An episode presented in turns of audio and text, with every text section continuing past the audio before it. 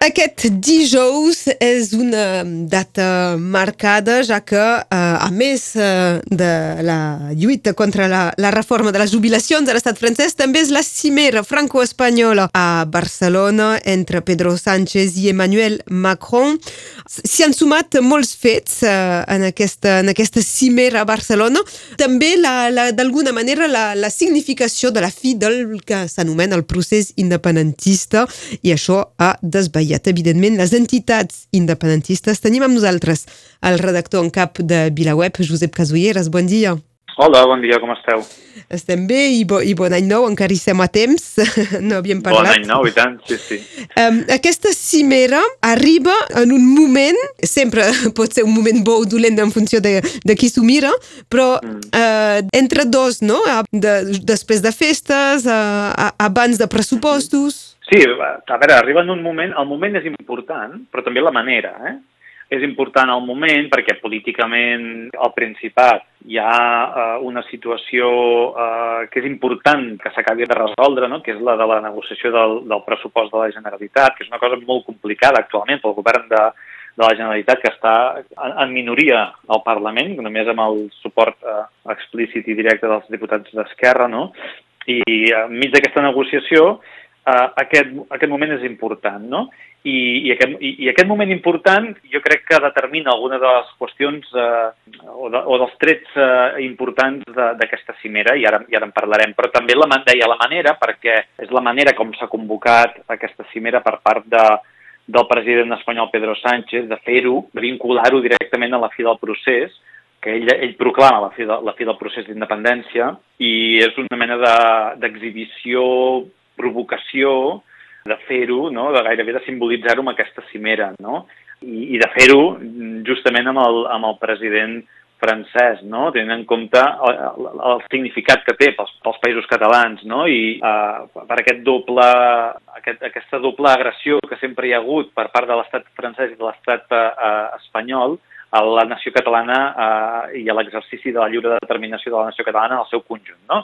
dit així. És a dir, hi ha, un, hi ha un element de memòria històrica, hi ha un element de present que es té molt en compte eh, per part de Pedro Sánchez a l'hora de, de convocar aquesta cimera i és rebut d'aquesta manera per part de les entitats i dels partits independentistes, que, que clar, la, la protesta que hi ha convocada contra, contra aquesta cimera ara feia temps que no hi havia una protesta tan unitària, tan transversal, no? I això també és significatiu. Eh? Vull dir que aquí eh, és important el moment i és important eh, la manera, i la manera determina també el plantejament d'aquesta manifestació, concentració, que té lloc a, eh, molt a prop d'on es fa la cimera. La cimera serà al MNAC, eh, a la, a la muntanya de, de Montjuïc. És que l'estratègia penses que no és una mica arriscada per, per Sánchez, també?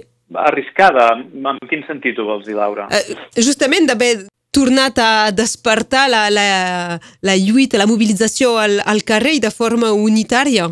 Sí, uh, ho pot ser, eh? El que passa que Pedro Sánchez crec que mm, li interessa jugar a la carta d'aprofundir en les uh, desavinences uh, dins de l'independentisme, tot i que la manifestació sigui unitària, fixa't que ja té elements contradictoris, que passen principalment per una qüestió, que és que Esquerra Republicana és, a, és en la manifestació, però alhora és dins de la cimera.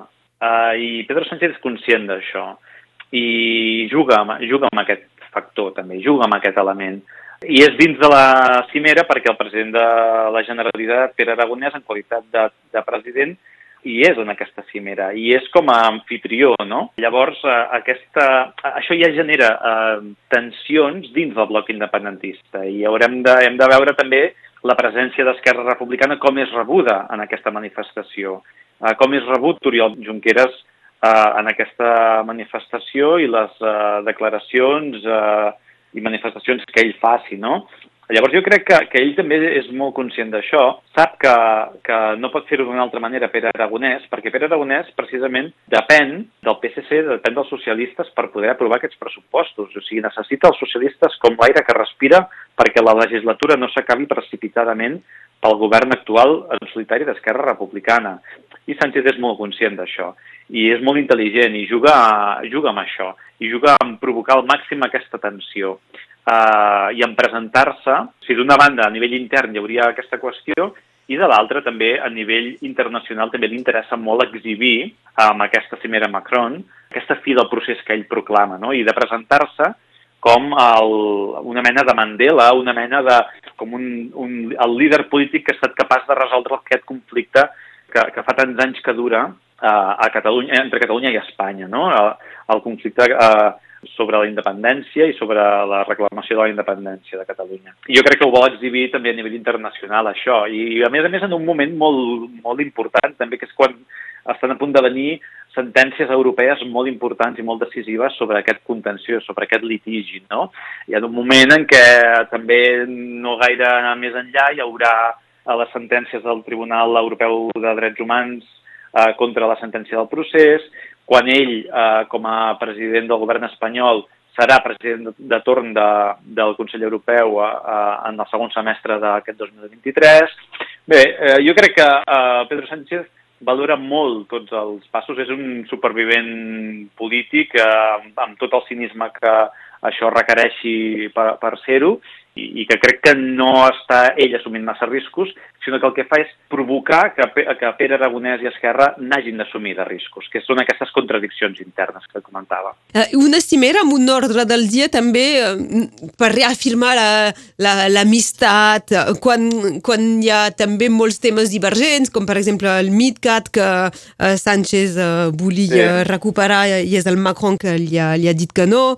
També sí. arriben en, en la relació de, dels dos estats en un moment uh, a la vegada es necessiten però a la vegada no, no sempre estan uh, d'acord.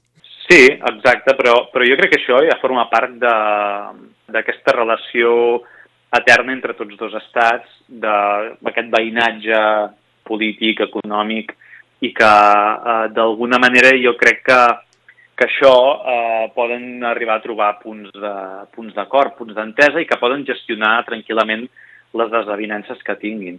I aquí a mi em sembla que és interessant també destacar el fet que Pere Aragonès vol introduir alguns elements que poden realment eh, plantejar encara més contradiccions o, o, o, més, o, o més situacions de conflicte o de tensió, eh, ho vol introduir, no? i per això va enviar una carta al govern espanyol perquè demanant que s'incloguessin en l'agenda del dia qüestions com, eh, com per exemple la de l'oficialitat del català a les institucions europees, com per exemple la de l'impuls del corredor mediterrani o de... Els passos fronterers.